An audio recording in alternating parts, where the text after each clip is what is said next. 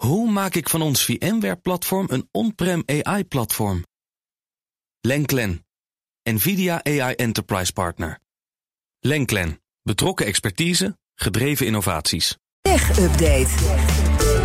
Michiel Jurjens, goedemorgen. Goedemorgen, Bas. De afzet van de iPhone 14 Pro loopt dit najaar nog een beetje slechter dan we al eerder dachten. Hè? Zo is de laatste prognose. Ja, Apple is op weg om 15 tot 20 miljoen eh, minder toestellen te gaan verschepen van de Oeh. iPhone 14 Pro en de Pro Max.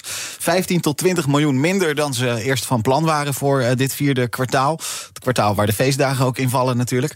Eh, dit wordt gezegd allemaal door Ming-Chi Kuo, dus een goed ingevoerde Apple-analyst uit eh, Taiwan. Allemaal ja, nog steeds als gevolg van de coronaproblemen en ook protesten in hè, iPhone City, de bijnaam van de enorme fabriek in Shenzhou in China, waar Foxconn voor Apple die iPhones produceert. Nou, we wisten al door al die problemen van vooral vorige week dat de iPhone-productie daar een flinke knauw door heeft gekregen. Maar deze 15 tot 20 miljoen toestellen, dat zijn er echt nog heel veel minder dan de 6 miljoen waar bijvoorbeeld Bloomberg het eergisteren nog Over had, ja. Eh, is gewoon een factor ja, vier, eh, bijna eh, nog minder. Ehm, en deze analist Ming-Chi Kuo die verwacht ook dat Apple nog wat actiever op zoek zal gaan naar andere producenten voor die iPhone 14 Pro. Dus ook op zoek is naar alternatieven voor iPhone City in Shenzhou. Ja. Nou, ik kan me voorstellen dat het niet makkelijk is om even te bedenken waar je 15 tot 20 miljoen iPhones gaat laten bouwen. Nee, nee. Nee, nee en dat zeker niet in. Amerika. Dat is nog een operatie. Oké, dan even die mop van Twitter Blue die eh, gisteren gelanceerd zou worden. Want, Ja, ken je die mop? Eh, het ging niet door. nee, precies. Nee, ehm, Geen Twitter Blue, hè? Dat heeft eh, ook een beetje zijdelings met Apple te maken. Daar kom ik zo op terug. Twitter Blue, hè, het betaalde abonnement voor Twitter. eh, waarbij het bekendste voordeel het blauwe verificatievinkje is. Dat iedereen kan krijgen, zolang die maar 8 dollar per maand wil betalen. Vlak nadat Elon Musk Twitter had overgenomen, ging dat helemaal mis met die blauwe vinkjes. Mensen gingen onder valse namen, maar met een vinkje beroemdheden en bedrijven nadoen. Met alle gevolgen van dien. Met allerlei nare grappen ook erbij. Ja, ja, ja. ja. Ehm, nou, Musk die kondigde vorige week dan aan dat Twitter Blue op 29 november opnieuw gelanceerd zou worden. Nou, op mijn kalender was dat gisteren, Ja. 29 november.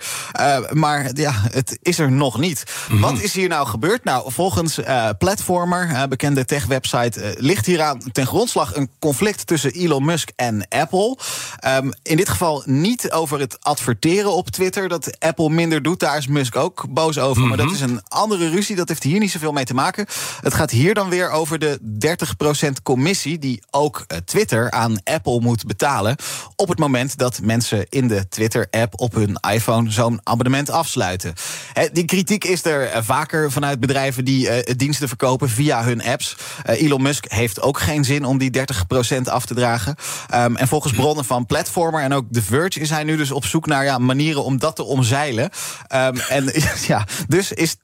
Twitter Blue vooralsnog niet verschenen. Maar ja, het, het kan altijd alsnog gebeuren. We weten het gewoon niet. Je weet het niet. Wat we wel weten inmiddels over wie wel verschenen is, is Jack Ma.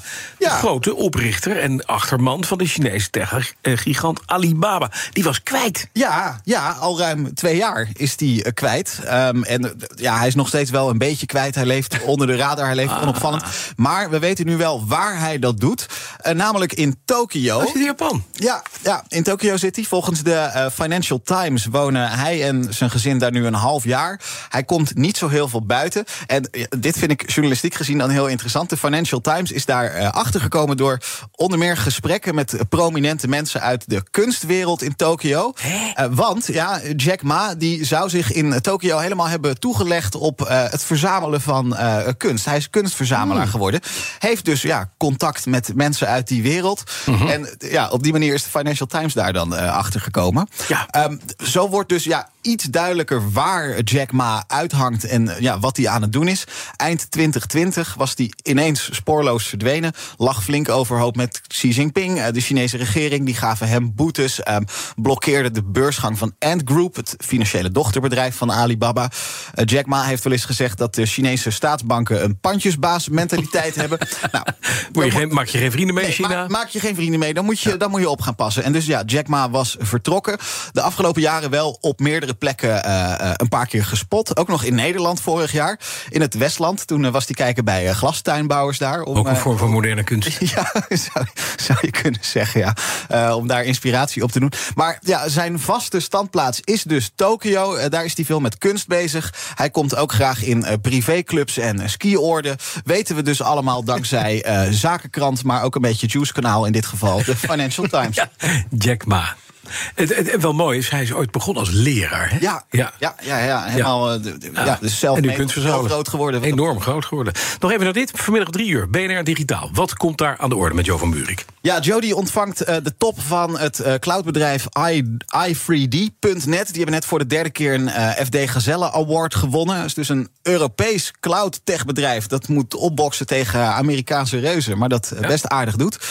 onze collega Daniel Mol die heeft zich een week lang verdiept in uh, Binance, de cryptobeurs. Die vertelt vanmiddag alles wat je daarover moet weten. En onderzoekers van de TU Delft, de VU in Amsterdam en Kennisinstituut VSL. Die hebben een plaatsbepalingssysteem ontwikkeld dat uh, nauwkeuriger is dan GPS, beloven ze. Vooral in stedelijk gebied. Ze beloven tot op 10 centimeter nauwkeurigheid. Mhm. Moet je heel precies kunnen bepalen waar uh, iemand is. Hoe dat precies werkt, dat gaan we vanmiddag dus allemaal horen in BNR Digitaal. Dat is vanaf drie uur op de radio hier op BNR en eh, daarna ook als podcast en vinden. Waar je het voor nodig hebt. Nou ja, zelfparkerende auto's. Oh. Nou, ja, maar dan kan, dan kan 10 centimeter... Ik wou net zeggen, 10 centimeter kan toch 7000 euro schade opleveren. Ja, en ik weet ook niet of het dan verticaal ook 10 centimeter is. ja, als je meerdere verdiepingen hebt met geparkeerde auto's, dan... En binnen? Nou, we gaan het ja, nou, niet moeilijke vragen stellen. We gaan het vanmiddag horen op 3 uur BNR Digitaal. Dankjewel, Michiel Jurjens. De BNR Tech Update wordt mede mogelijk gemaakt door Lenklen. Lenklen. Betrokken expertise, gedreven resultaat. Hoe maak ik van ons VMware-platform een on-prem AI-platform? Lenklen, NVIDIA AI Enterprise Partner. Lenklen, betrokken expertise, gedreven innovaties.